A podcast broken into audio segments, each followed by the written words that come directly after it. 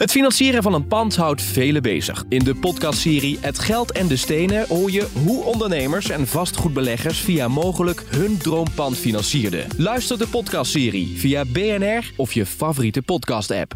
Vastgoed gezocht wordt gesponsord door mogelijk vastgoedfinancieringen. BNR Nieuwsradio. Vastgoed gezocht. Maarten Bouwhuis en Maarten de Gruiter. Veel bedrijfsvastgoed is de afgelopen jaren meer waard geworden, maar het sentiment lijkt wel te kantelen. Het is nog maar de vraag of je pand in 2023 meer opbrengt dan een jaar geleden. De vraag van deze week: hoe stellen taxateurs de waarde van je bedrijfspand eigenlijk vast? Dit is vast goed gezocht. Jouw wekelijkse update over de wereld van de stenen. Je hoort ons natuurlijk elke maandagavond op BNR. Of gewoon online via de app of eh, bnr.nl. Maarten de Gruiter staat zoals elke week naast mij. Maarten, we beginnen met uh, ja, echt het nieuws uh, van vandaag. De huizenprijzen dalen in september met 0,7 procent. Ten opzichte van een maand daarvoor. Per jaar is dat dus al 8,4 procent. Klaas Knot noemde dat eerder een welkome afkoeling. Vind jij dat ook? Nee, nou ja, ik vind het echt bizar dat de uh, president van de Nederlandse bank dit op deze manier brengt. Hè. Um, maar waarom is dat dan bizar? Want het is toch prettig dat de huizenprijzen een beetje dalen. Nou, de reden is helemaal niet. De reden is een hele negatieve. De reden dat de huizenprijzen uh, afkoelen is omdat uh, enerzijds mensen op dit moment niet durven te kopen. Zijn eigenlijk om subjectieve redenen, oorlog. Energieprijzen, mensen zijn bang om misschien hun, hun baan te verliezen. En anderzijds omdat ze niet kunnen vanwege de hoge hypotheeklasten. Dus die mensen die een huis zochten, uh, gisteren, vorig jaar, uh, afgelopen maanden, die zijn er nog steeds. Ja, die zaten toen al vast. Ja. Uh, omdat ze niet konden kopen, moesten overbieden, er niet tussen kwamen. En nu zitten ze weer vast omdat de rente hoog is en de marktsentiment negatief. Ik denk zelfs uh, dat, dat, dat de mensen voor wie het daar hardst nodig is, hè, bijvoorbeeld voor starters, het alleen maar moeilijker is geworden. Ja, je hebt er een, je hebt een paar winnaars. Ja, als, als jij drie maanden geleden je huis verkocht hebt, of vier maanden geleden toevallig. Uh, en, en je gaat nu zoeken. Ja, dan ben je de winnaar. Maar dat is, dat is maar een hele kleine groep. Dus maar ik vind het heel raar. Mensen die uit een huurwoning komen, hè? Die, die, die kunnen nog langer wachten tot de huizenprijzen dalen. Weliswaar is de rente dan hoger, maar ze kunnen er wel makkelijker tussen komen. Ze kunnen er makkelijker tussen komen, maar uh, uh, door die hoge lasten wordt eigenlijk huren weer interessanter. Hè? De, de, de lasten voor huren en, en, en kopen die komen nu weer dichter bij elkaar. Waardoor juist mensen, meer mensen willen gaan huren. Nou ja, en er worden juist op dit moment weer geen huurwoningen meer gebouwd. Ja, dan een opiniestuk in het Parool, waar Maarten, Maarten Veldser van het Zadelhofbeheer zijn stelling neerlegt. Let niet op het energielabel, maar op het verbruik van een huis bijvoorbeeld. Wat is er aan de hand? Nou, Maarten Velds is, uh, nou ja, Cor uh, van Zadelhof heb natuurlijk hier wel eens in de ja. uitzending gehad. Nou, Maarten is uh, eigenlijk de grote man, ietsje meer op de achtergrond. Hij, hij komt met een opiniestuk in het parool van vandaag. Ja, en daarin zegt hij een aantal dingen. En één ding is in ieder geval heel interessant. En is dat eigenlijk de labels helemaal niet corresponderen met het daadwerkelijke energieverbruik. Ja, en dat, dat, dat, dat is eigenlijk al heel erg belangrijk. Maar we kennen die labels. Je kunt je woning helemaal verduurzamen tot een label A. Ja. Overigens in de huidige markt ook heel prettig. Hè? Want zegt dan kun je je huis beter verkopen. Maar hij zegt eigenlijk dan kun je alsnog heel veel verbruik hebben. Ja, dus die labels zeggen eigenlijk helemaal niks op het daadwerkelijke verbruik. Dus in de, de Rekenkamer in Amsterdam heeft in 2016 uh, een onderzoek uh, laten uitvoeren. Waarbij ze al die uh, met name sociale woningen zijn gaan kijken. En uh, wat zie je gewoon? Dat van A tot en met F, dat loopt natuurlijk gigantisch omhoog. Exponentieel op, het energieverbruik. Maar toen zijn ze kijken, ja, wat doet nou A tot en met F daadwerkelijk? En dan zie je dat het bijna niet van elkaar verschilt. En dat is natuurlijk al heel belangrijk. Want dat betekent dat als je een woning F daar heel veel geld in wil gaan investeren. Ja, is dat nou zo nuttig nog? Nou, dus het heeft, het heeft heel veel implicaties. Vervolgens zie je ook dat binnen de labels er enorme verschillen zijn tussen de grootverbruikers en de minder grootverbruikers. En dan heb je natuurlijk, zijn, zijn, een van zijn pleidooien is, kijk nou naar het daadwerkelijke verbruik. Maar dan heb je natuurlijk nog iets anders. Ja, jij kan een label A, jij woont in het mooie Kennemerland. Zeker. Jij kan daar een mooie label A woning hebben van 200 vierkante meter. Maar jij als gezin verbruikt veel meer dan ik in mijn uh, woning van 45 vierkante meter in Amsterdam. Ja. Wat een label F bijvoorbeeld heeft. Dat is natuurlijk heel bizar. Ja, dus betekent als je een huis gaat kopen, moet je gewoon uh, opvragen wat het daadwerkelijke verbruik is, los van de labels. Dat is ja, sowieso nou, belangrijk. Ja, oké, dat is sowieso belangrijk. Maar dan kun jij dus een label uh, F hebben en het vervolgens nooit meer bijvoorbeeld laten mogen verhuren. Ja. Als dat verhuren van een woning sowieso een vies woord uh, bij sommigen, maar bij mij niet. Nee, oké. Okay, dus kritisch kijken naar die labels. Vastgoed gezocht.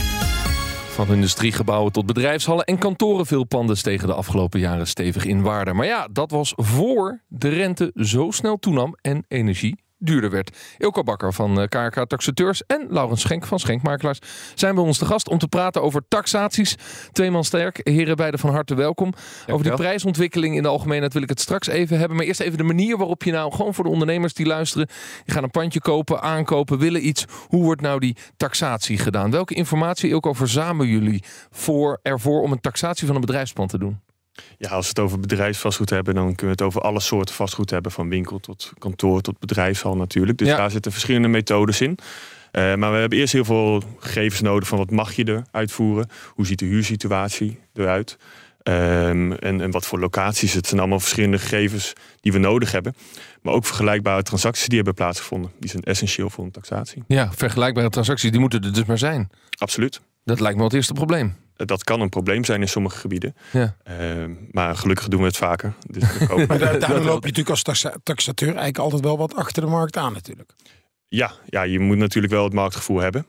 Uh, dus we houden wel rekening mee wat er in de markt gebeurt.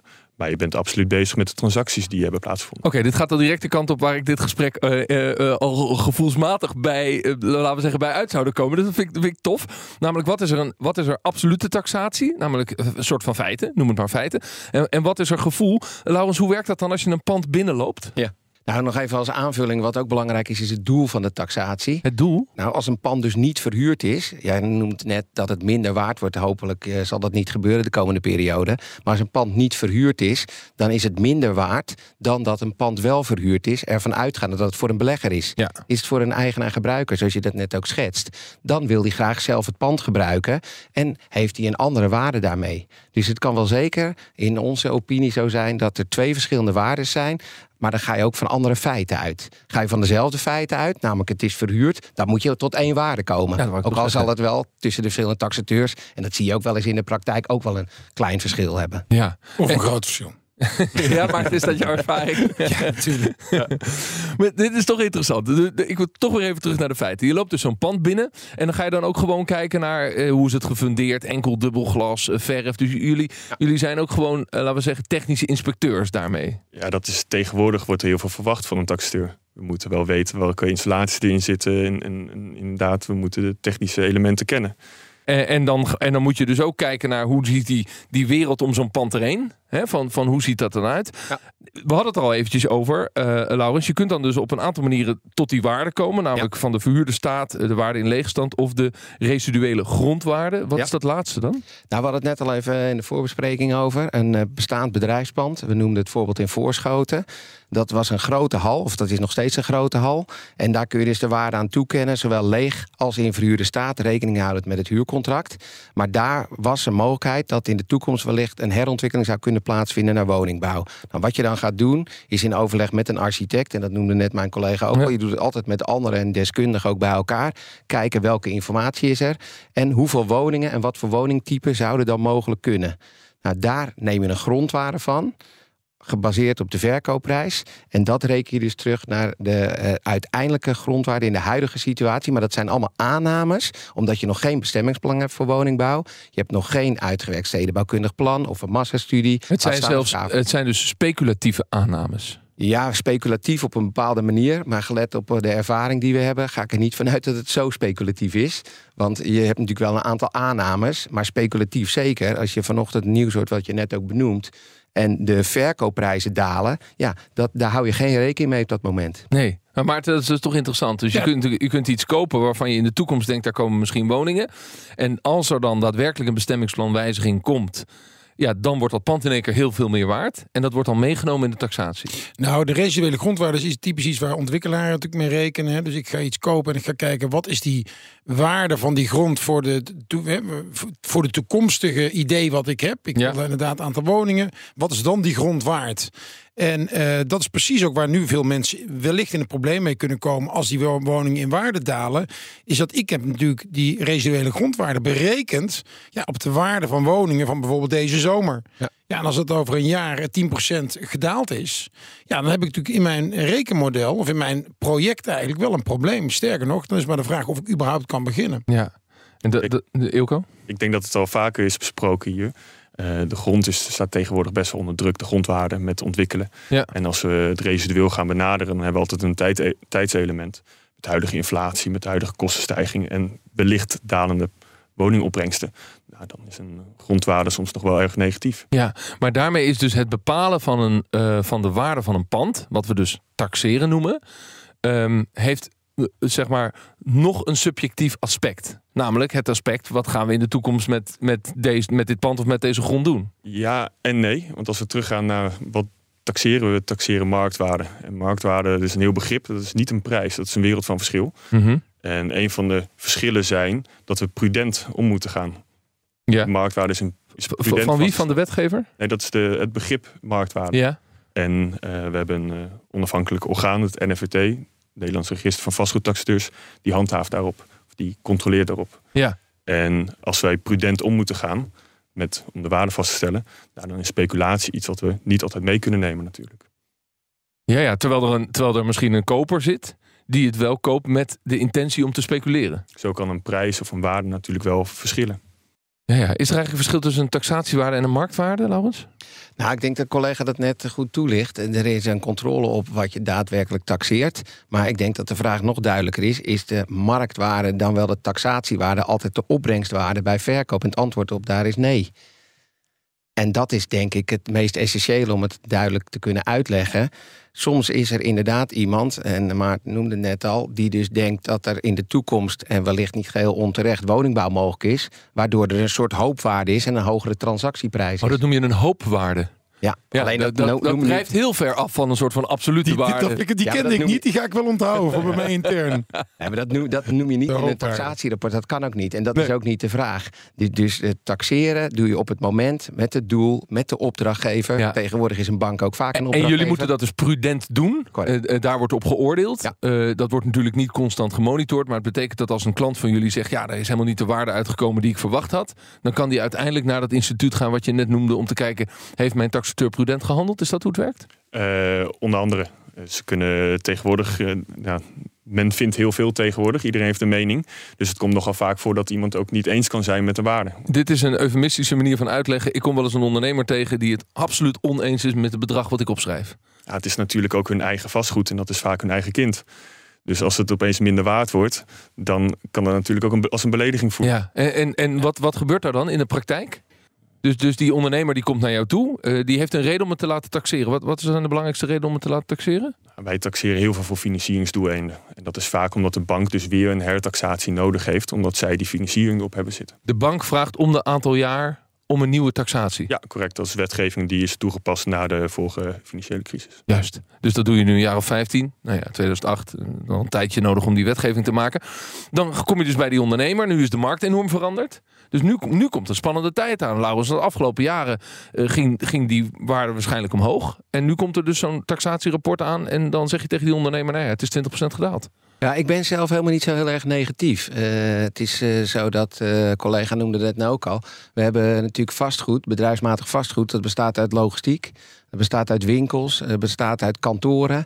Als ik bijvoorbeeld de logistieke markt kijk, daar zie ik nog helemaal geen afvlakking zoals vanochtend eh, gemeld is eh, door eh, NVM en anderen bij woningbouw. Eh, daar is juist heel veel vraag, zowel op de beleggingskant als bij ons in de regio rond Schiphol, Ja. Hoofddorp, eh, voor de gebruikers.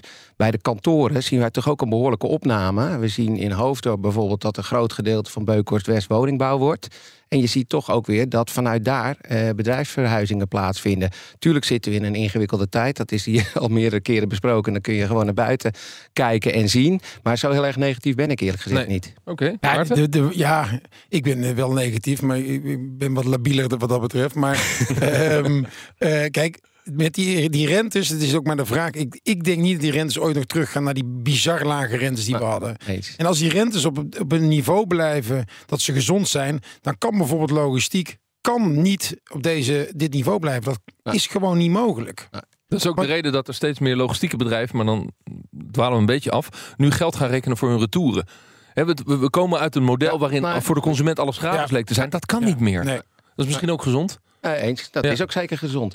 En ik denk dat je daarmee de concurrentie ook op peil houdt. Maar inderdaad, dan dwalen we het af over de taxatie ja, zelf. Maar, maar alles hangt met Wat natuurlijk nog wel wat interessant is, is dat je zei, ja, een ondernemer die is er niet blij, want het is toch een beetje zijn kindje. Nou, voor mij is het veel simpeler. Want uh, Ilko zei het al, ze moeten vaak taxeren voor banken. Ja. En op het moment dat, je, dat, dat het natuurlijk minder waard is, dan kun jij gewoon een probleem krijgen met je bank. Dus dat is natuurlijk de hoofdreden waarom die eigenaar van de pand niet blij is. dus als hij net aan een hoge LTV zit van zijn financiering en jij legt de 20% lager, dan komt hij in de probleem en zegt de bank, ja, je LTV is te hoog, ga maar even een bak aflossen.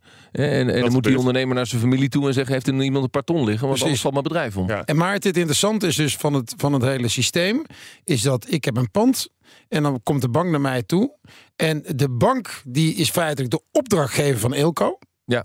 Maar ik kies Ilco uit eigenlijk, uit een lijstje van mensen die ik mag. En ik betaal hem. Ja, je kunt ook Laurens kiezen. Ja. Nee, nee, ja, nee maar wij hadden het net over die dingen. Ik kan ook Laurens. Ja, jij betaalt hem, maar de bank is opdrachtgever. Ja, dat is natuurlijk heel raar. Dat is ik vind dat systeem, vind ik nog steeds, en daar kunnen de heren misschien mij wat over uitleggen. Laten we dat zo even naar kijken, want misschien draagt dat bij aan aan een zo objectief mogelijke waardebepaling. Die waardeontwikkeling van zakelijk vastgoed, daar gaat het dus over, deze aflevering van Vastgoed Gezocht.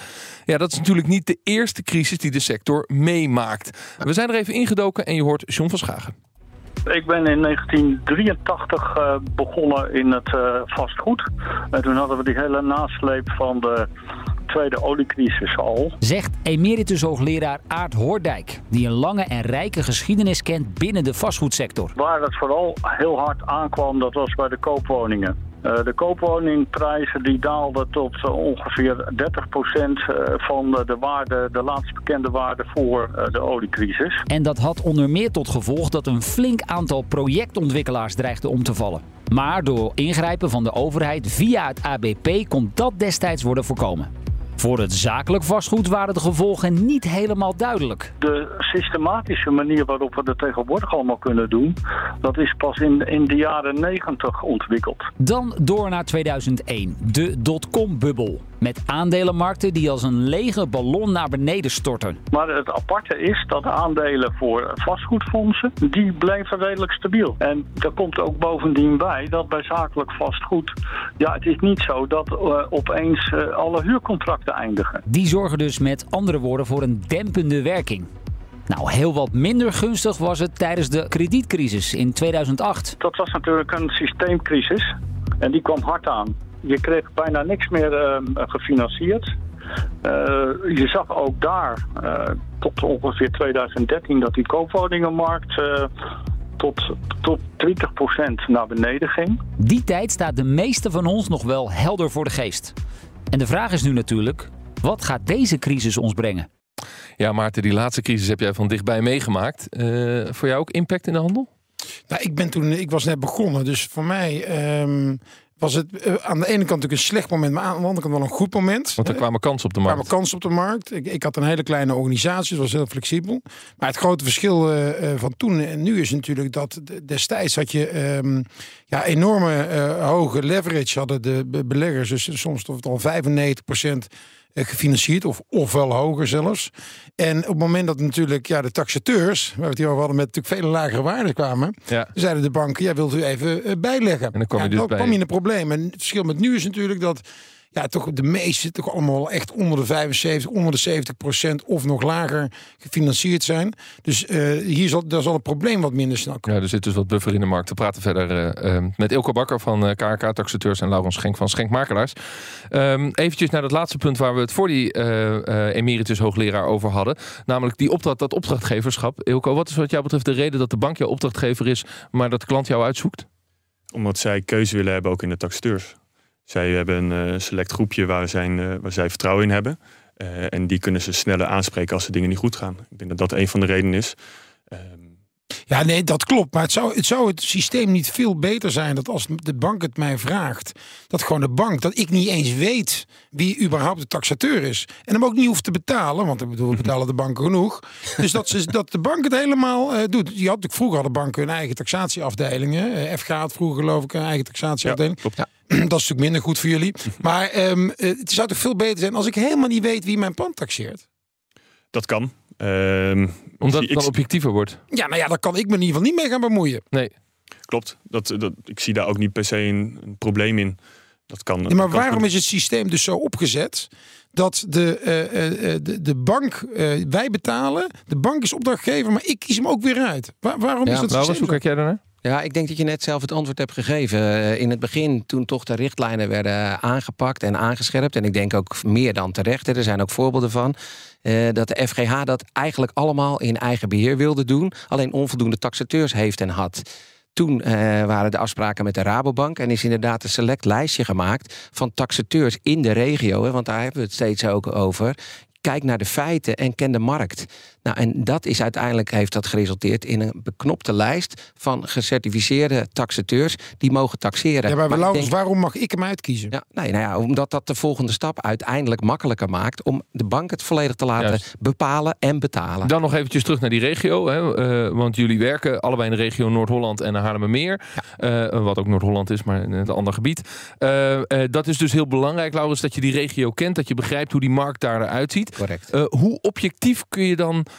uh, toch even tot slot naar de waarde van die panden. Kijk, hoe objectief kun je dat, dat soort criteria nou gebruiken? 100% objectief. Wij werken in het gebied Haarlemmermeer en wij mogen dus ook alleen maar in die regio taxeren. Wij kunnen niet in Venlo of in Venray taxeren. Oh, dus het is ook een beetje een verdeelde markt. Absoluut. En dat is ook terecht, omdat je uh, afhankelijk van de grootte van je kantoor, wij werken met 20 mensen en hebben een beperkt gebied en kunnen dat gebied goed bestrijken. Maar wij kunnen niet de waarde volgen, en de collega noemde dat ook, uh, van transacties in Venlo of Venray. Want jullie zitten ook maar heel gewaard, uh, Ilko. En dan ben je dus ook in die gebieden moet je actief zijn en dan begrijp je hoe die markt daar werkt. Ja, klopt. Wij hebben vijf vestigingen door Noord-Holland heen. En wij zien Noord-Holland als onze expertise daarin. Ja, maar de markt in Noord-Holland, in de kop van Noord-Holland, is nog weer heel anders dan de, de Zaanstreek. Absoluut. En Amsterdam is ook weer een wereld van verschil. Ja. ja. Kun je tot slot als ondernemer eigenlijk zelf nog iets doen om uh, je pand in waarde een beetje op te krikken in deze tijd? Want ja, je komt bij dat punt, je moet naar de bank, help me LTV en dan. Ja, Absoluut. Even ondernemerstips tot slot van de uitzending, Ilko. Nou, de terugverdienperiode is, uh, is teruggedrongen met deze huidige prijzen. Van gasprijzen en elektroprijzen. Dus ehm, ja, de duurzame eh, toevoegingen van zonnepanelen, uh, enkel glas mag echt wel, uh, is echt wel verleden tijd. Dat soort zaken, nou, die, die moeten wel aangepakt worden. Ja, Laurens? Ja, ja absoluut. duurzaamheid, het is een open deur, maar het is werkelijkheid. Ja. En dan vooral zie je dat ook bij nieuwbouw terug. De BREEAM-certificering is gewoon niet meer een vraag, maar is gewoon een vereiste, is ook Ja. normaal. Dus je kan absoluut wat doen als ondernemer. wat je ziet is ook het aansluiten bij parkmanagement. Dus de samenwerking binnen een bedrijventerrein om daadwerkelijk te zorgen, niet zozeer Dat heeft invloed in de waarde van je pand. Absoluut. Ja, absoluut. Interessant. Dus, eh, en nogmaals, meer dan schoon, heel en veilig. Je ziet nu gezamenlijk inkopen van energie. Op Schiphol Tradepark is daar een heel mooi voorbeeld van. Dus nee, eh, als ondernemer moet je actueel bezig zijn. Niet alleen met je bedrijf, maar ook met je pand. Zijn jullie eigenlijk onafhankelijke taxateurs? Of geef je ook advies over hoe je dus de waarde van je pand een beetje kunt opkrikken? Ik zie wat je net gedaan hebt. Maar eh, nee, wij zijn natuurlijk onafhankelijke taxateurs. Ja, waar ik nog aan een kleine toevoeging wil geven, is dat er. ehm, Eerst was een groen pand, is, was echt een toegevoegde waarde. En nu is het een bruin pand, is niet meer van deze tijd. En die is, wordt gewoon duidelijk afgewaardeerd. Dus iedereen moet naar Het is eigenlijk andersom. Groen is de standaard geworden, Ja. nu bruin wordt afgewaardeerd. Ja. Eh, dankjewel Ilko Bakker van eh, KRK Taxateurs. En Laurens Schenk van eh, Schenk Makelaars. Ik heb veel geleerd, Maarten, over taxaties. Ik ga nog even doordenken hoe objectief of subjectief welke criteria Ja. nou zijn. En, en dat je toch in discussie kunt met de ondernemer, geloof ik. D- Ja, daar, daar ga ik me niet over uitlaten. Precies. Eh, volgende week is de gast eh, Dinan ten Brinke van BAM Wonen. En zij investeren namelijk fors in houtbouw. Interessant, mooie trend. Voor nu, bedankt voor het luisteren. Dag. Vastgoed gezocht wordt gesponsord door mogelijk vastgoedfinancieringen.